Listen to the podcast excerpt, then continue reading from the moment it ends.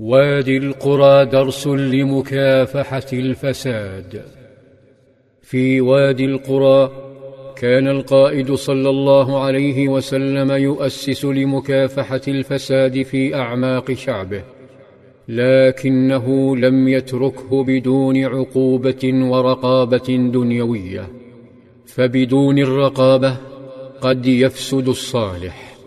السرقه عقوبتها قطع اليد لأن تأثيرها على أمن الشعب وهيبة الدولة مباشر بينما الاختلاس والنهب يأتي تأثيره مدمرا بعد مدة.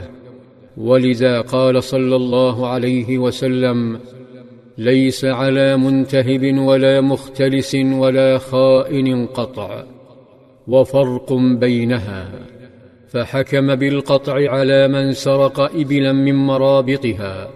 أو سرق ثمرا من أماكن تخزينه لكن لو نهب إبلا ترعى أو قطف بيده ثمرا وحمله معه خارج البستان فلا قطع فيه بل يحكم عليه بدفع ثمنه مرتين مع الجلد. حيث قال القائد صلى الله عليه وسلم فيها ثمنها مرتين وضرب نكال. وهو أمر يمكن تطبيقه على من يختلس مال الدولة والشعب. ولكن كل هذه التشريعات لا قيمة لها بل السلطة القضائية برمتها لا قيمة لها إن لم يطبق النظام على الجميع. كما قال صلى الله عليه وسلم إنما أهلك الناس قبلكم أنهم كانوا إذا سرق فيهم الشريف تركوه وإذا سرق فيهم الضعيف أقاموا عليه الحد. والذي نفس محمد بيده لو أن فاطمة بنت محمد سرقت لقطعت يدها. لم يبرر القائد صلى الله عليه وسلم لذلك الفقير اختلاسه قطعة قماش من مال الدولة بحجة فقره. فالإسلام جاء لإنصاف الفقراء ولم يأت للمتاجرة بقضاياهم وأزماتهم. وعلى الفقراء كغيرهم مسؤولية وعليهم النهوض بها. فالجنة سيدخلها الفقير والغني وكذلك جهنم. وبهذا المنهج يتحول الفقير إلى طاقة فاعلة ومنضبطة. لا إلى طاقة هائجة ثائرة تحطم كل شيء وتحرق اليابس والأخضر. فجيش محمد صلى الله عليه وسلم معظمه من الفقراء. ومع ذلك فهو قمة في الانضباط وتحمل المسؤولية.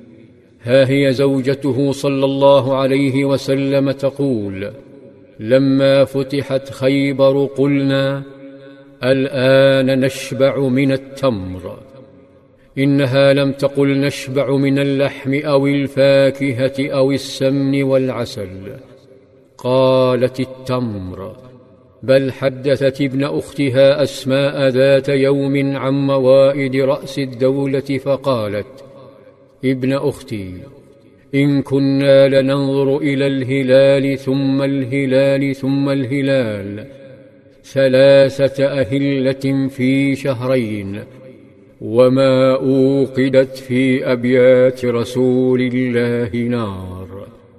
استغرب الفتى فقال يا خالة ما كان يعيشكم؟ قالت الأسودان التمر والماء ثم ذكرت أن لقائد الدولة صلى الله عليه وسلم جيران يمنحونه من ألبانهم ويسقونه. تحدثت أم المؤمنين عن خيبر والتمر. فماذا عن أميرة خيبر؟ ماذا عن صفية بنت حيي بعد أن أسلمت؟ وهل زفت أم لا؟